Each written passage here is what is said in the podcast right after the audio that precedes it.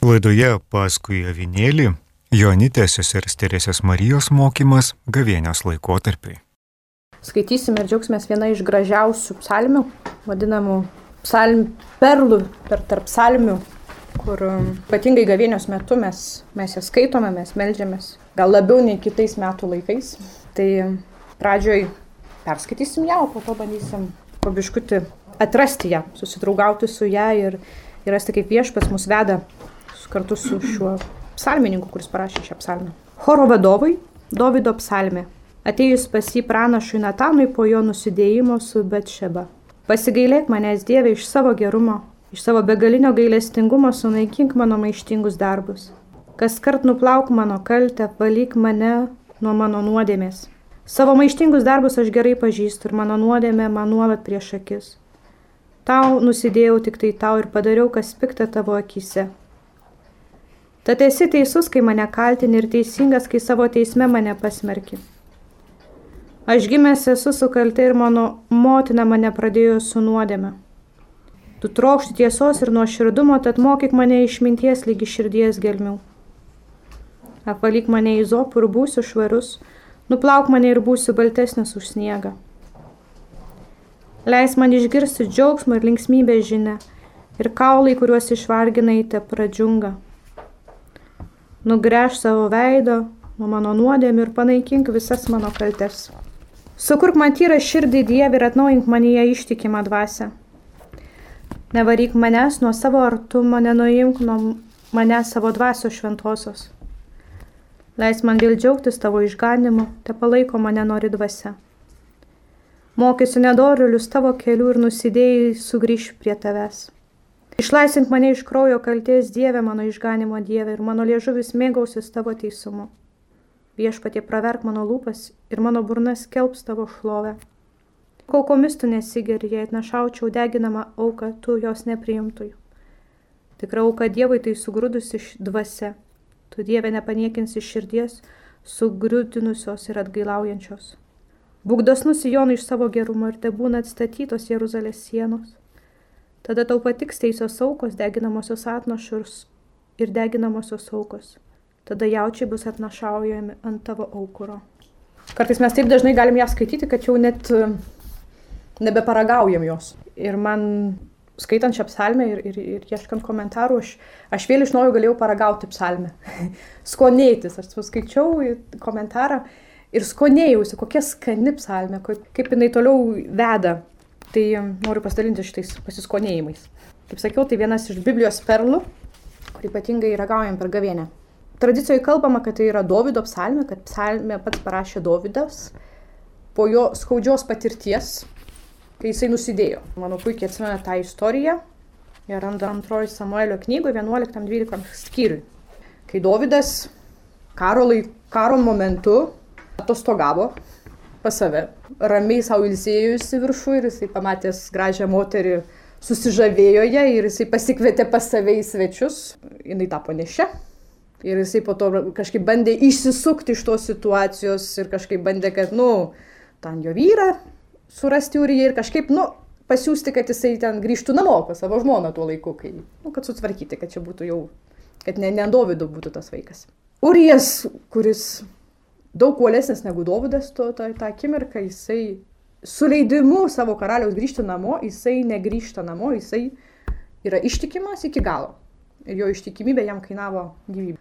Jisai Dovydo nusiustas į, į pirmasias linijas ir jisai yra tyčia, galima sakyti, ne savom rankom nužudomas. Tada Dovydas prasiveda namo Betšeba. Dar istorija labai sudėtinga, nes su vaikeliu yra tikrai skaudi istorija, nes vaikelis ant galo miršta. Bet dabar kalbėtume, jeigu kalbam apie Davido nuodėmę, kas atsimena tą momentą, kai pranašas Natanas ateina. Labai spūdinga, kai skaitom būtent tą momentą, kai nusidėjo Davidas, nu, taip viskas, nu, tai tokia istorija, va taip įvyko, taip, taip, taip, taip, taip, ir, ir nei jokio, kad Davidas kažkaip čia negerai darau, kažkas ne taip, tokių net klausimų net negimsta, nu, čia maždaug viskas gyvenimiška, nu, būna gyvenime tokios situacijos, viskas gyvenimiškai, nu, išeina taip, gal, nu, ne, ne, daug nesiklausinėkim, nes per daug sudėtinga. Ir, ir būna gyvenime pranašai, ir Natanas, mums būna gyvenime pranašai, ateina, kur sako, gal tu ten, žinai ką, netaip jau gerai buvo. Ir, ir Dovydui buvo ta malonė, kad atėjo Natanas pas jį ir sako, žinai, aš tau istoriją turiu papasakoti.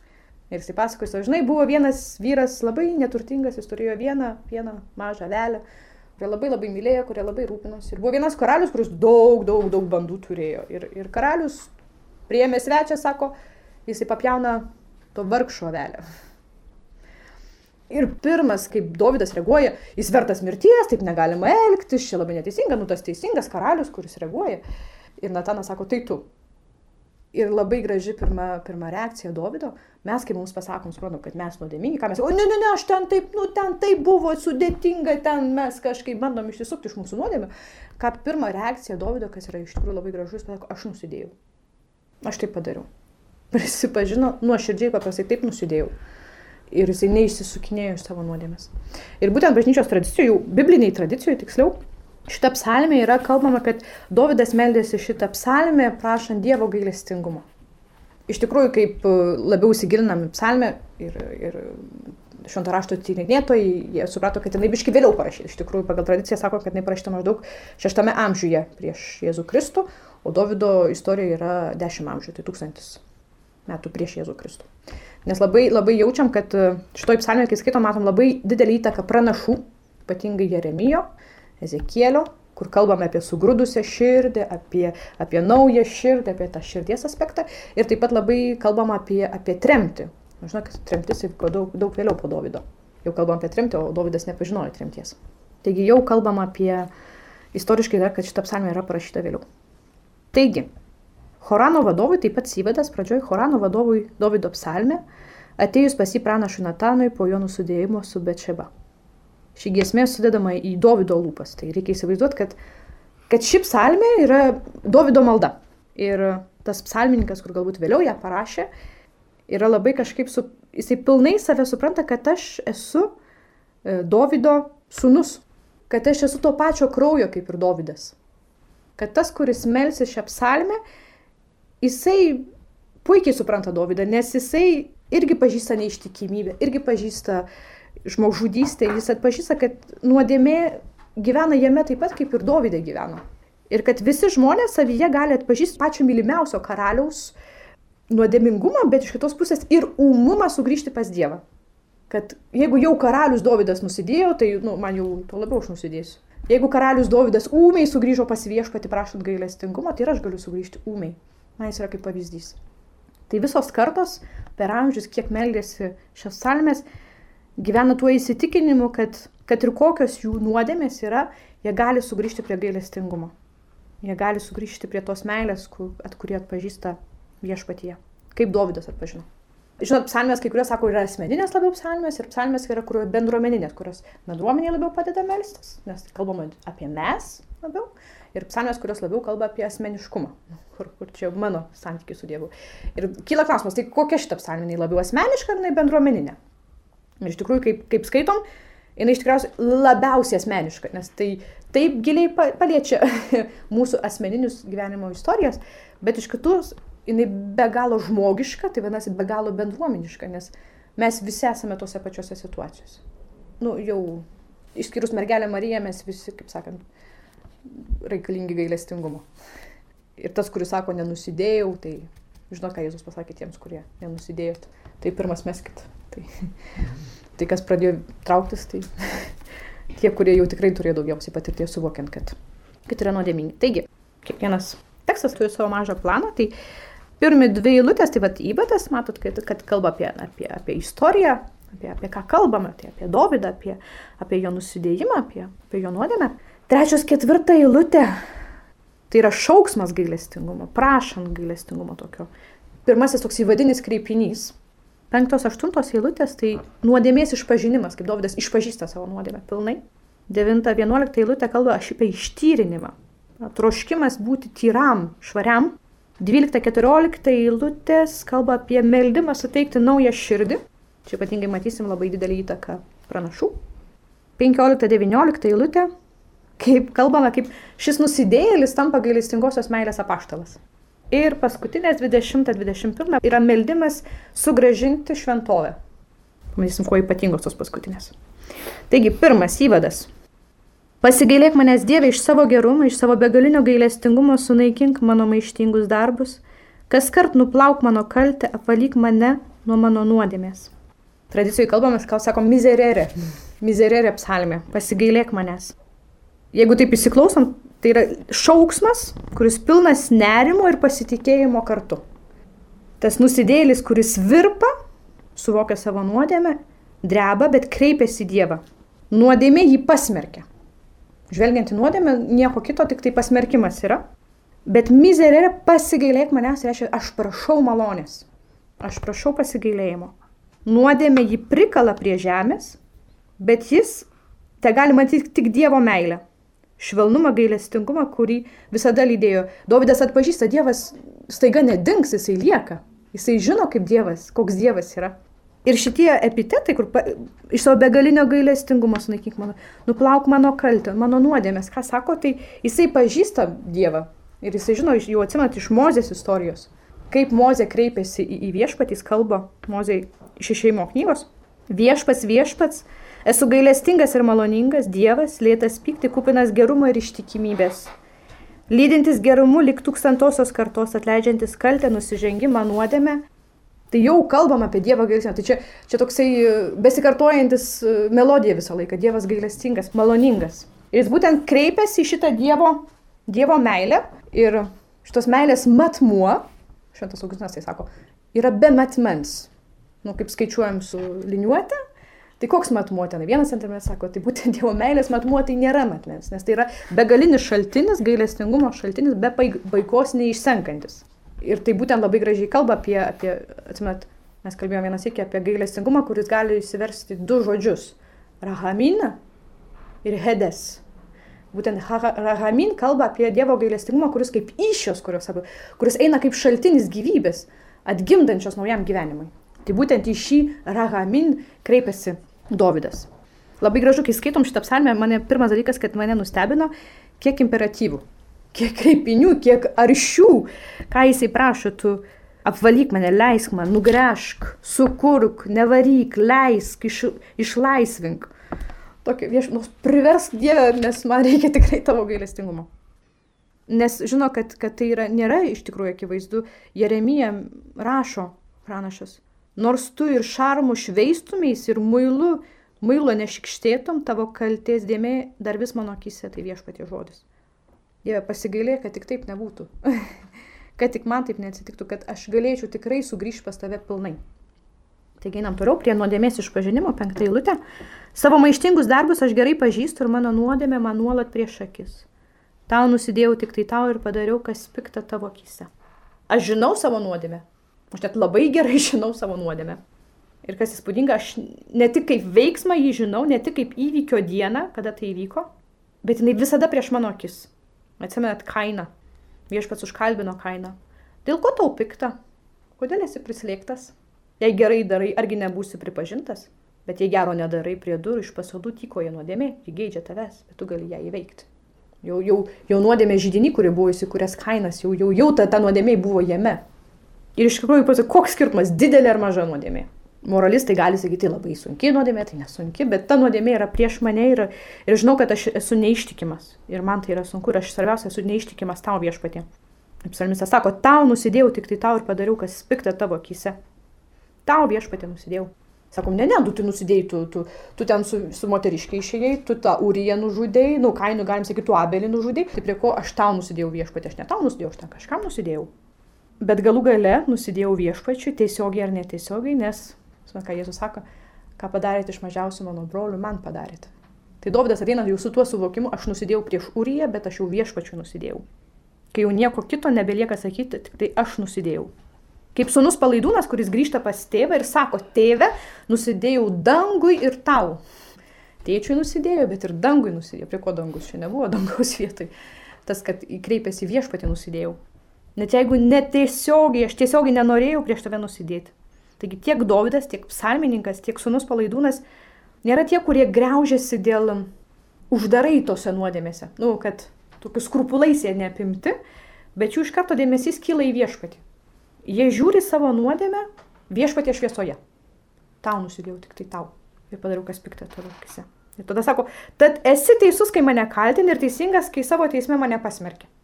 Viešpatė, tu labai gerai padarysi, jeigu tu mane nubausi ir aš neturėsiu nei, nei čiut čiut nieko pridėti negalėčiau. Nes tu labai teisingai padarysi. Tavo teismas bus teisingas. Nes tikras nusidėlis, jisai jau nenusteps prieš verdiktą, jeigu jis bus griežtas. Tikras nusidėlis jisai priims, žinant, kad tai buvo teisinga, ką aš, aš padariau taip, kas, kad, kad atlygis gali būti teisingas. Ir Dovydas bus, Dievas bus teisingas, jeigu... Ir Dovydas neprotestuoja prieš kaltinimus, kurie jam, čia Natanas atėjo ir pasakė, kad tu kaltas esi. Bet vis dėlto jisai nuolankiai kalbasi su viešpačiu ir sako savo iniciatyvas, jisai sako troškimą sugrįžti pas viešpatį. Ką jisai sako, tada toliau einam, septintą eilutę. Aš gimęs kaltėje ir mano motina mane pradėjo nuodėmėje. Čia galim labai įvairios interpretacijos būti tokios įdomios ir iš karto, manau, čia jums nebus, bet ne mano mama kalta asmeniškai dėl to, kad aš gimęs nuodėmėje. Ne mano tėvų meilės aktas kaltas, kad aš gimiau nuodėmė. Čia ne apie tai kalba, kai kurie gali suinterpretuoti. Nu tai va, tai čia va, čia sako, kad jau santokinis aktas, nu, seksualinis aktas tai yra nuodėmė. Čia, čia ne apie tai kalbama. Nes viešpas sakė, dauginkitės, būkite vaisingi. Ne, ne čia. Apie ką kalba? Kad žmogus gimsta su polinkiu į nuodėmę. Žmogus gimsta trapus. Jis gimsta pasaulį, kur jo broliai ir seseris nusideda. Jau, jau Jobas kalba apie tai. Kas yra mirtingasis, kad galėtų būti švarus apieigoms? Ar gimusis iš moters, kad galėtų būti teisus Dievo akise? Kas gali būti švarus? Dovydas pats, jo, Jobas, kuris jau buvo teisus, sako, kas gali būti teisus? Izaija sako, atsimena tą vietą, kur kalba, pačioje pradžioje, o aš tariau, vargas man, nes esu žuvęs, aš žmogus, kurio lūpos suteptos, gyvenu tautoje, kurios lūpos suteptos, savo akimis reikiu karalių, galybių viešpatį. Suvokimas, kad esam sutepti nuo pat pradžių. Ir Šventas Paulius taip pat kalba la, laiškė romiečiams. Aš nedarau gėrio, kurio trokštų, o darau blogio, kurio nenoriu. O jeigu darau, ko nenoriu, tai nebe aš tai vykdau, bet manyje gyvenanti nuodėmė. Ir e, pradžioje knygoje irgi kalbame apie tai. Man kaip po Nojaus istorijoje viešpas tokį verdiktą pasako, galim sakyti. Nes žmogaus širdies polinkiai yra pikti nuo pat jaunystės. Čia, čia dar prieš tvaną. Jau mato, kad, nu jau, nu, taip jau yra. Tokia jau yra nuodėmė. Atsimet, ką Jėzus pats sako. Jėzus žinojo, kad žmogaus širdyje darosi. Ir žinojo, kad yra polinkis į piktą. Senajame testamente mes dar net nekalbame apie prigimtinę nuodėmę.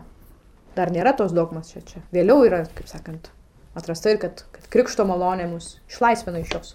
Bet jau Senajame testamente matom visą tai. Kad jau žmogus yra suvokimas, kad mes turim polinkį nuodėmę nuo pat pradžių. Kad gimstame trapus, tai va, tie žodžiai, kad aš esu gimęs su kaltė ir mano motina pradėjo su nuodėmė, kad aš nuo pat vaikystės turiu polinkį nuodėmę. Kasgi toliau? Aštunta eilutė.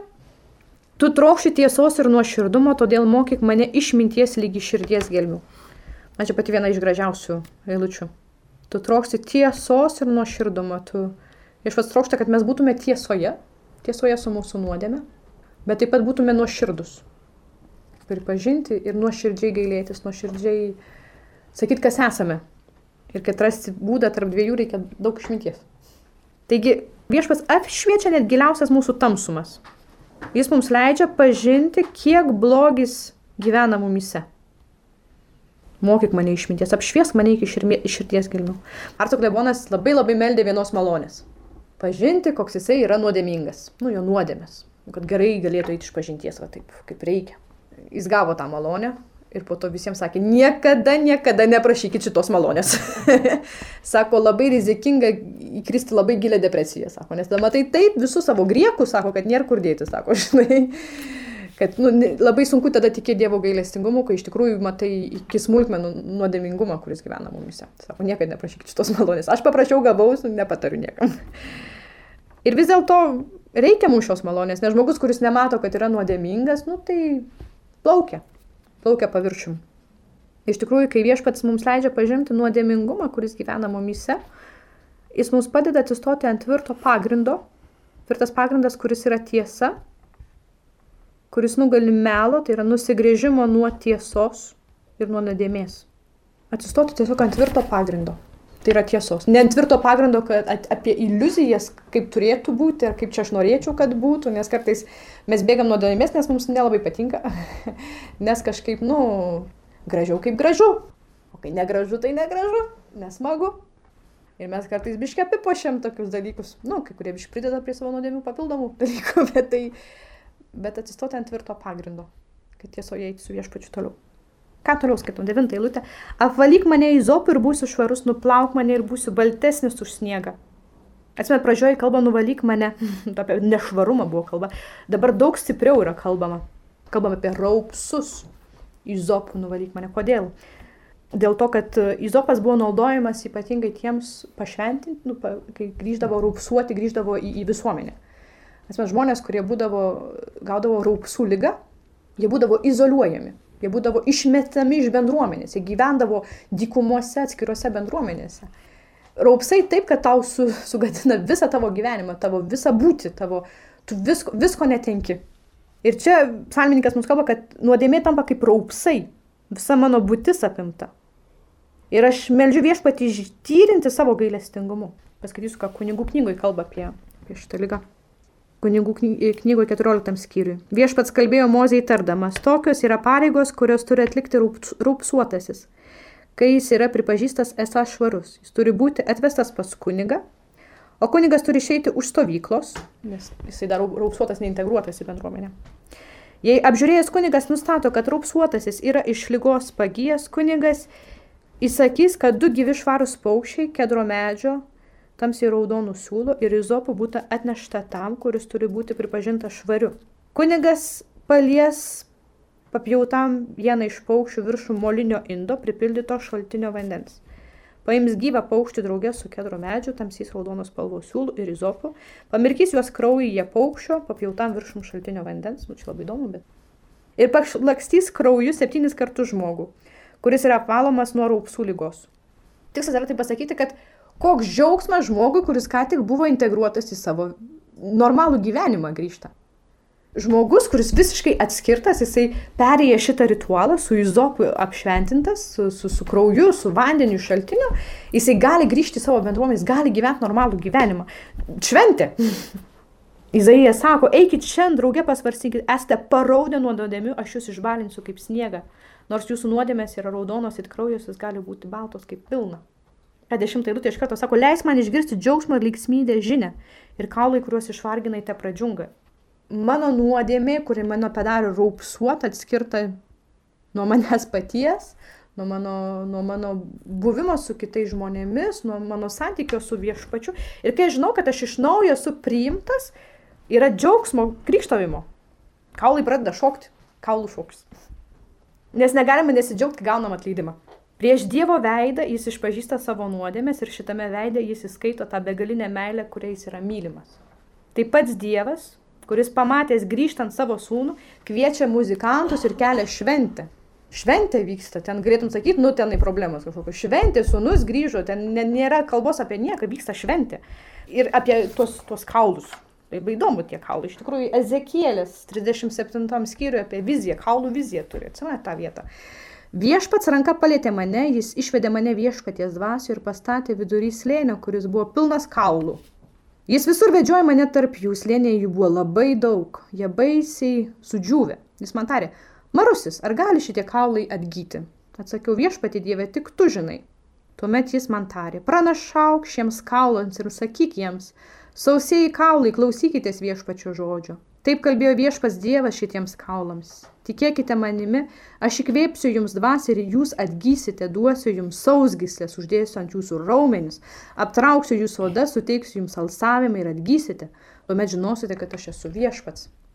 Pranašavau, kaip man buvo liepta, ir man be pranašaujant staiga pasigirdo triukšmas, barškėjimas. Kaulai rinkosi, kaulas prie savo kaulo. Įsižiūrėjau ir tikėkit manimi, ant jų buvo sausgislės, raumenys buvo užaugę ir oda buvo juos apdengusi. Bet dvasios juose nebuvo. Tuomet jis man tarė, pranašauk dvasiai, pranašauk marusis ir jai sakyk, taip kalbėjo viešpats Dievas, ateik dvasiai iš keturių vėjų ir padvelk į tuos užmuštuosius, kad jie atgytų. Pranašavau, kaip man buvo liepta ir jie juos dvasia, jie atgyjo, pakilo ant kojų, nepaprastai didelė minė. Jis kreipėsi mane. Marusis, šie kaulai yra viso Izraelio namai. Štai, jie sako, sudžiuvo mūsų kaulai, nebėra mums vilties, esame žuvę. Todėl pranašauk jiems ir sakyk, taip kalbėjo viešpas Dievas, tikėkite manimi, atversiu jūsų kapus ir prikelsiu jūs iš jūsų kapų mano tautą ir parvesiu į Jeruzalę žemę. Jūs žinosite, kad aš viešpats, kad atversiu jūsų kapus ir prikelsiu jūs iš jūsų kapų manoji tauta. duosiu jums savo dvasę, kad atgytumėte, parvesiu jūs į jūsų žemę, kad žinotumėt, jog aš viešpats, tai pasakiau ir padariau. Tai viešpatė žodžius. Nu, ką tie kaulai galėjo veikti, kai jau buvo, jie šok ten turėjo, ten džiaugsmo šventė turėjo būti. Nu. tai būtent kalba apie tą džiaugsmą, apie tą, tą šventę, kurią tėvas surengė. Tai, kas buvo visiškai mirę, visiškai netekę, tik tai kaulų krūva, tapo gyvastimi. 11 eilutė, toliau skaitom.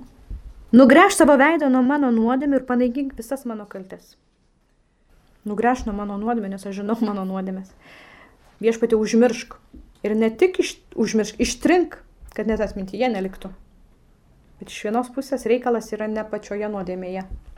Ne nuodėmė yra esmės. Esmė. Bet širdis. Mano širdis turi pasikeisti. Radikaliai ištrinti nebeužtenka. Man reikia naujos širdies ką po to skaitom, 12 eilutė, sukurk man tyrą širdį Dievį ir atnaujink man jie ištikimą dvasę. Žodis sukurk naudojamas hebrajiškai bara. Šis žodis yra naudojamas kaip kūrinys, tik Dievas gali daryti barą. Čia bara, ne, ne bara, kaip lietuviškai, bet tas kūrimo veiksmas, bara, naudojamas tik Dievui. Mes kurti galim, aš galiu, Janina gali kurti, Aldona gali kurti, bet, bet barą padaryti negali, nei aš, nei jūs. Tik Dievas gali barą žodį naudojamas. Tai šitą naują širdį, sukurti tą naują širdį gali tik tai viešpats. Ir būtent čia atpažįstam mūsų pranašus, Jeremijas kalba apie tai 31 skyriui.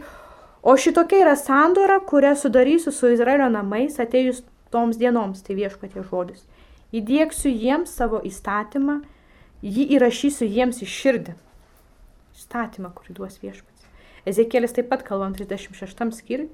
Nuplausiu jūs tyrų vandeniu, bus apvalyti visi jūsų nešvarumai, visi jūsų stabai bus pašalinti. Sako, duosiu jums naują širdį ir atnaujinsiu jūs naują dvasę. Išimsiu iš jūsų akmeninę širdį ir duosiu jums jautrę širdį. Duosiu jums savo dvasę ir padarysimėt, kad gyventumėt pagal mano įstatus ir laikytumėt mano įsakų, kad juos vykdytumėte. Duosiu jums naują širdį. Man, nu, kad nenusidėčiau, manau, reikia naujos širdies. Man reikia, kad mano širdis atsivertų. Nes aš visą laiką galiu sugrįžti prie mano nuodėmių. Ko man reikia, man reikia naujos širdies. Dievo atleidimas eina taip toli, nes atleisti tai nėra vien tik pataisyti. Atleisti jam tai yra atkurti. Argi taip pat ne, neprisimant su tėvą, su sunum palaidūnu, ką tėvas dovanojo sūnui? Naują drabužį. Aprenkite jį iš naujo. Tai simboliškai galim kalbėti, kad duokit jam naują širdį, naują gyvenimą duokit. Kad viskas būtų nauja. Kas gražu ir beprotiška Dievo meilė, tokia mums, kad jis duoda naują širdį. Ir tai, ką mes galim išgyventi susitaikinimo sakramente. Tikėjime žinau, kad viešpats mane visiškai atnaujina. Aš ne tik tenai, kaip sakant, nuodėmės galbūt tik pretekstas, kad man duotų naują širdį, bet sugrįžti pas viešpatį. Atsimet, kalno pamokslą. Labai gražus vienas palaiminimas yra. Palaiminti tyra širdžiai jie regės Dievą. Tyra širdis. Tyra širdis, kuri mato Dievą. Tyra širdis, kuri, kaip labai įdomi, neiškilauja pas kitus dievus. Nekeliauja, ne, neina susitikti su Kristus. Yra širdis, kuria ištikima. Kas sako, sukur man tyra širdį, atnaujink mane ištikimą dvasę. Ta tyra širdis, kuri, kuri, kuri grįžta tie, kurie sekioja paskui avinėlį iš apokalipsės. Nes jie ištikimai sekioja paskui avinėlį. Ir būtent tas ir kalba apie nekaltumą yra tą prisirišimą ir tyrumą. Ką toliau skaitom mūsų psalmiai? Nevaryk manęs nuo savo artumo, nenuimk nuo manęs savo dvasios šventosios, leis man vėl džiaugtis tavo išganimu, te palaiko mane nori dvasia. Šios eilutės viena kitai, viena kita šnekas. Nevaryk manęs nuo savo artumo, nenuimk nuo manęs savo dvasios šventos. Leis man vėl džiaugtis tavo išganimu, te palaiko mane nori dvasia. Nori dvasia, čia labai gražu. Didžia dvasiška dvasia. Vieni vertimai labai gražiai verčia yra, čia vertimo vertimas dabar jau sakau, bet tai tokia karališka, princesiška širdis, tokia kilni širdis, kuri mus ragina eiti vis tolyn kuri ragina eiti į priekį, kuri ragina būti, atsiliepti šventosios dvasios kvietimus. Taip kaip Paulius kalba Galatams, penktam skyriui. Aš sakau, gyvenkite dvasia ir jūs nepasiduosite kūno geismams. Mat kūno geismai priešingi dvasiai, o dvasios kūnui. Jei vienas kitam priešingi, todėl jūs nedarote, kaip norėtumėte. Bet jei leidžiate dvasios vadovaujami, jūs nebesate įstatymo valdžioje. Kūno darbai gerai žinomi, tai ištvirkavimas, netyrumas, gašlumas, tadmeldystė, burtaninkavimas, priešiškumas, nesantaika, paviduliavimas, piktumai, vaidai, nesutarimai, susiskaldimai, pavydai, kirtavimai, apsirijimai ir panašus dalykai. Nu, sąrašiukas yra. Aš jūs įspėju, kad, kaip jau esu įspėjęs, jog tie, kurie taip daro, nepaveldės Dievo karalystės. Dvasios vaisiai yra meilė, džiaugsmas, taika, kantrybė, malonumas, gerumas, ištikimybė, romumas, susivaldymas. Tokiems dalykams nėra įstatymo. Kurie yra Kristaus Jėzaus, tie nukryžiavo savo kūnų su aistromis ir geismais. Jei gyvename dvasia, tai elkime pagal dvasę. Nesivaikykime tušios garbės, nerzinkime vieni kitų, nepavydėkime vieni kitiems. Jei gyvename dvasia, tai elkime pagal dvasę. Te palaiko mane nori dvasia, ką prašo psalmininkas. Ir čia labai gražu, mes galime atpažinti viso šventosios trejybės veikimą. Kaip atrasti tą trejybę? Tai kas mus išgano galų gale, kas, kas duoda tą troškimą, kad mes būtume išganyti. Tėvo troškimas mus išganyti. Tai Tėvo išganinga veikla apsireiškia tą dieną, kai jis atsukęs savo veidą Jėzuje Kristuje, mums dovanoja savo šventą dvasę. Taigi, tik dėka šventosios dvasios mes pilnai su tikru džiaugsmu galime sugrįžti. Jau tokiu, jau, jau pilnatvėje tas atleidimas yra. Ką toliau, einam į apaštališką misiją, jau, jau, jau dimensiją, 15. Mokysiu nedorilius tavo kelių ir nusidėliai sugrįž pas tave. Labai gražu. Jau psalmininkas šitas jau, jau taip sugrįžęs pas Dievą, jis te galvoja tik vieną dalyką, kaip dabar visus kitus sugražinti pas viešpatį. kaip čia dabar, ne, aš negaliu savo pasilikti viso šito reikalo, čia man taip atsitiko, bet taip pala, pala, pala, visiems taip turi būti dabar gerai. Patys geriausi ir aršiausi ir karščiausi evangelizuotojai yra tie, kurie ką tik šviesiai atsivertė. Dar dažniausiai mūsų tokius biškius senus krienus, kur jau, jau, ai, nu jau, tai gal tiek to. tai kas mus dažniausiai biškius su, su, pa, pa, pasako, nu, nu, nu, negerai čia biškutį. Tai dažniausiai tie, kurie šviežiai išgyvenė Dievo gailestingumą, karštai išgyvenė. Tai mes dar sakome, nu tai tu pamatysi, dar čia ne viskas taip gražu. Iš tikrųjų, jie taip išgyvenę karštai, tai yra toks jau principas, kad tie, kurie karštai išgyvenėme Dievo gailestingumą, apie vieną tik galvoja, kaip čia visus kitus susigražinti. Ši Dievo gailestingosios meilės patirtis nėra skirta tik jam vienam. Jis nori su savo broliais nusidėjėliais pasidalinti tuo, kad ir jie gautų šį džiaugsmą. Atsinet Petrui, Jėzus sako, o tu sugrįžę sustiprink brolius. Petras yra mūsų Petras ne dėl to, kad jisai buvo, bet labai jau viskas su juo gerai buvo. Petras ant jo galim remtis, nes jisai žinojo, ką reiškia drebėti, bijoti, suklysti, atsiprašyti, gailėtis. Ir taip jisai mus gali sustiprinti. Ne, ne, ne, ne tie, kurie nu, nenusidėjo, bet tie, kurie nusidėjo, gali sustiprinti. Ir Biblijoje ištisai kartojasi tokie dalykai. Samarietė. Penkis vyrus turėjai? Nu jo, turėjau. Ir ta moteris, palikusi asotį, jau kaip pasikalbėjo su Jėzumi, aiškino visus dalykus, palikusi asotį nubėgo į miestą ir paskelbė žmonėms, eikite, pažiūrėkite, žmogus man pasakė viską, ką padariau. man aš įsivaizduoju, taip kaimynai, a, jo, sako, tau pasakė, nu tai mes žinom. Argi jis nebus mesijas? Ir žmonės iš, mėjo, iš miesto ėjo pas jį. Samarietė pirmą patirtis gavo tiek Jas, jinai taip troško tos meilės, gavo iš Jėzaus, tai jinai, nu, nu, taip tai būtų gal, nu, tai tu Jėzau pabūk su manimi, žinai. ne, ne, jinai norėjo su visais pasidalinti tą meilę. 15 Lukos skyrius. Apie pamestą avelę, apie pamestą drachmą, apie sūnų palaidūną ir ką kalbame. Radė savo avelę, dar kaiminė, dar prieš tai apie kaiminės kalbą. Radusi tą savo drachmą, jis susivadina visas savo draugės bei kaiminės.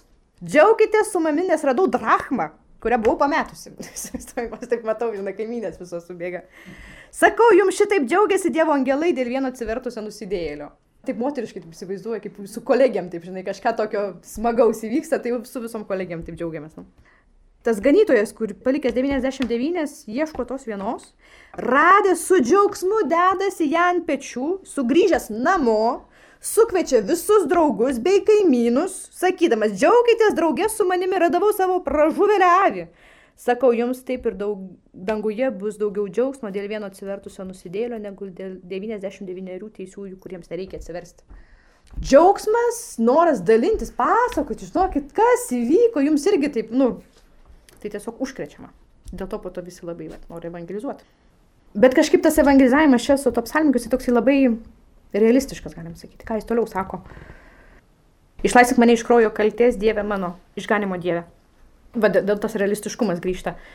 Iš kraujo kalties irgi galima sakyti, kraujas bibliniai tradicijoje, puikiai atsimenate, kalbam apie gyvenimą. Iš Jėzaus širdies ištrykšto kraujas ir vanduo. Atsimenat, kraujas simbolizuoja gyvybę, o vanduo nuplovimą, tai turėtų anksčiau vanduo ir kraujas. Vanduo, kuris nuplauna ir kraujas, kuris duoda gyvybę. Išlaisvink mane iš kraujo kalties, to gyvybės kalties prieš uriją. Aš atėmiau gyvybę, bet aš noriu iš naujo tos gyvybės, kad, kad galbūt ta gyvybė kaip auka būtų. Tai bet matom, vėl grįžtama prie iliuzijos, kad tai tikrai Davido psalmė. Bet lyg tai Davidas prašytų dar daugiau gyvenimo, kad galėtų skelbti išganimą. Ir va čia toliau eina toliau vėl apie evangelizacinę veiksmą, veiksmą. Ir mano liežuvis mėgausis tavo teisumu. Tavo teisumu. Meilės teisingumas. Tas meilės teisingumas, kur, kur, kuris daug didesnis negu žmonių teisingumas. Ir iš kitos pusės tam meilės teisingumui reikia ištyrinimo. Izaijas kalba. Atsimet, tuomet vienas iš serafinų priskrido prie manęs laikydamas rankoje žėruojančią žaryją, kurie buvo paėmę žinybėlis nuo altoriaus ją palėtė mano burną. Štai tarė jis, žaryje palėtė tavo lūpas, tavo kaltė yra panaikinta ir tavo nuodėmė apvalyta. Tada išgirdau viešpatės dalsą, ką man siūsti, kas gali būti mano pasiuntinys, o aš atsilpiau, štai siūsk mane. Tas teisingumas, kuris e, tikras ir gailestingas, bet jis, kuris dar reikalauja tokio ištyrinimo. Ir čia ištyrinimas eina per, per burną, labai spūdingai. Ir ką toliau sako, 17 eilutė psalmės, viešpatė praverk mano lūpas ir mano burnas kelbs tavo šlovę. Nes aš negaliu kalbėti apie tave viešpatė, jei tu man neduosi žodžių. Todėl prašau atverk mano lūpas. Tu jas ištyrink, bet taip pat atverk. Nes kitaip kartosiu kaip Jeremija, sako, aš nemoku kalbėti. Jeremijas ištisai kaip sugedusi plokštelę kartoju, tai nemoku kalbėti, nemoku. Sako, eisi ir kalbėsi. Jie dar tave ten su džiaugsmu nepriims. Aš kartosiu kaip Mozė. Mozė sakė viešpačiui, ak, mano viešpatė, aš niekad nebuvau iškalbus. Nei praeitįje, nei dabar, kai tu prakalbinai savo tardą. Aš esu lėtas praverti burną ir mano liežuvis nerangus. Jei balsas ir žodžiai man duoti, kaip nuostabiai aš galėsiu švesti tavo vardą. Man kažkaip naujai švesti tavo vardą, šlovinti tavo vardą, švesti, pašvesti. Mes sakom, švenčia. Nu, mes taip liaudiškai kažkaip, nu, šventė, nu, jau čia, nu, nieko švento, kaip sakant. Bet nuo žodžių šventas švesti ne nuo kito žodžio, nu čia gal lietuvinis tai mane pataisys, bet uh, tai yra šventa švesti, švesti viešpaties vardą, švesti sekmadienį. Nes viešpats pravers mano balsą ir aš švesiu jo vardą. Atversiu lūpas ir kas iš mano lūpų iš pirmiausia iš, išplauks, tai šlovinimo gesmė. Ir šis šlovimas, kuris pašventina mane patį, kur aš dėkoju Dievui už jo gailestingumą. Tai labai gražu prisiminti, kam buvo atvertos lūpos, kas iš pradžių buvo bailiai, drebėjo ir negalėjo išlysti iš savo kambariuko. Apaštalai. Jėzus prisikėlė, viskas gerai, bet negalėjo ten ir Jėzus buvo su jais, jie negalėjo, jie bijojo, jie turėjo, jie turėjo ilgai laukti, kol atėjo šventoji dvasia ir jie galėjo prabilti. O jau kai prabilo, tai niekas negalėjo jų užčiaupti tada. apaštalų darbuose sako, juk mes negalime tylėti apie tai, ką esame matę ir girdėję, negalime tylėti. Nu, jeigu mes tylėsim, tai akmenys jums šauktų. Ir čia vėl labai gražiai atpažįstame iš naujo Velykinį slėpinį šitoj psalmiai. Mirtis, nuodėmė, po mirties slėpinio prisikėlimas, sugrįžimas, atradimas gailestingojo Dievo ir po to sėkminių slėpinys. Šventosios dvasios dovana, kuri atveria, kuri, kuri atveria burną, kad šlovintume. Ir 18 eilutė, juk aukomis tu nesigeri, jei atnašaučiau deginamą auką, tu jos nepriimtum. Tikra auka Dievui sugrūdusi dvasia. Tu Dieve nepaniekinsi širdies sugrūdusios ir atgailaujančios. Mes galbūt lietuvių tautai ypatingai žinom, ką reiškia žodis tremtis, daug geriau negu kitos tautos. Kada pribojami veiksmai. Izraelio tauta pažinojo, jiems ypatingai skaudžiausia buvo, kad jie nebeturėjo šventovės. Jie negalėjo šlovinti ir daryti visų aukų, Ir būtent pranašai tuo laiku jiems kalbėjo apie tai, kad kas svarbiausia yra, tai ne liturginiai veiksmai, bet širdis, vidinė auka. Tai ypatingai sutrinta širdis. Sutrinta matant savo nuodėmius, sutrinta matant savo brolių nuodėmės. Iš kitos pusės širdis, kuri visada atvira kančiai, žmonių negandoms, kaip ir Kristaus širdis buvo atverta ant kryžiaus ir lieka amžinai atverta. Širdis, kuri atvira, kad nepaliautų skelbti Dievo meilės, Dievo gailestingumo. Krū, tradiciškai galėtume sakyti, čia galėtų pasibaigti psalmė. Ir, ir kai kurie tyrinėtojai net sako, čia ir pasibaigė psalmė. Tai sako, paskutinės dvi eilutės pridėtos šiek tiek vėliau. Galbūt pridėta šiek tiek vėliau kalba apie šventovę. Būk dosnus į Jonų iš savo gerumo, te būna statytos Jeruzalės sienos, tada tau patiks teisios aukos, deginamosios atnašos ir deginamosios aukos, tada jaučiai bus atnašaujami ant tavo kuro. Troškimas sugrįžti. Tautai buvo svarbu sugrįžti namo. Kokia stipri patirtis išgyvenant remimą, bet kas remime leidžia išgyventi, kad galėsim sugrįžti, kad galėsim atkurti, kad galėsim gyventi ir Izraelio tautai troškimas sugrįžti. Jeremijas sako, štai aš atnešiu, atnešiu jums vaistą ir išgydymą, pagydysiu jūs ir apreišiu jiems tikros gerovės perteklių. Aš sugražinsiu judo tremtinius, judo tremtinius ir Izraelio tremtinius, atkursiu juos, kaip buvo pradžioje. Galim sakyti, jo už, nu, užtenka tos sugrūdusios širdies ir vis dėlto mums reikia bendruomenės, mums reikia sugrįžti, mums reikia tos, jiems reikia tos šventovės, kur galim susibūrę, tai dėl to ir meldžia su kad bus atstatytos Jeruzalės sienos. Kad mes būsim išmokę mūsų pamoką. Taip, svarbiausia tai vidinė širdis, bet viešpatė sugrįž, kad su, su, sugrįžtume. Kad galėtume sugrįžti kiekvienas į pas tave, nes tas, kas, kas įdomiausia su, su, su mūsų nuodėmeningu, tai kad visada nusidedam. Ir aš kartais dėkoju Dievui, kad nu, gerai, kad jis neparodo visko iš karto. Vienas nuodėmės pradedam matyti, vėliau kitas pradedam matyti, tai gerai, kad viso paketo vienu metu neduoda. Bet kad trokštume sugrįžti pas jį. Ir kaip Davidas, galėtume taip nusidėjau, noriu sugrįžti, noriu, kad tu mane ištyrintų, kad duotų man naują širdį. Ir kad vėl iš naujo galėčiau skelbti tavo gailestingumą. Laidoje paskui Vinėlį girdėjote Jonytės, sesers Teresės Marijos mokymą gavėnios laikotarpį.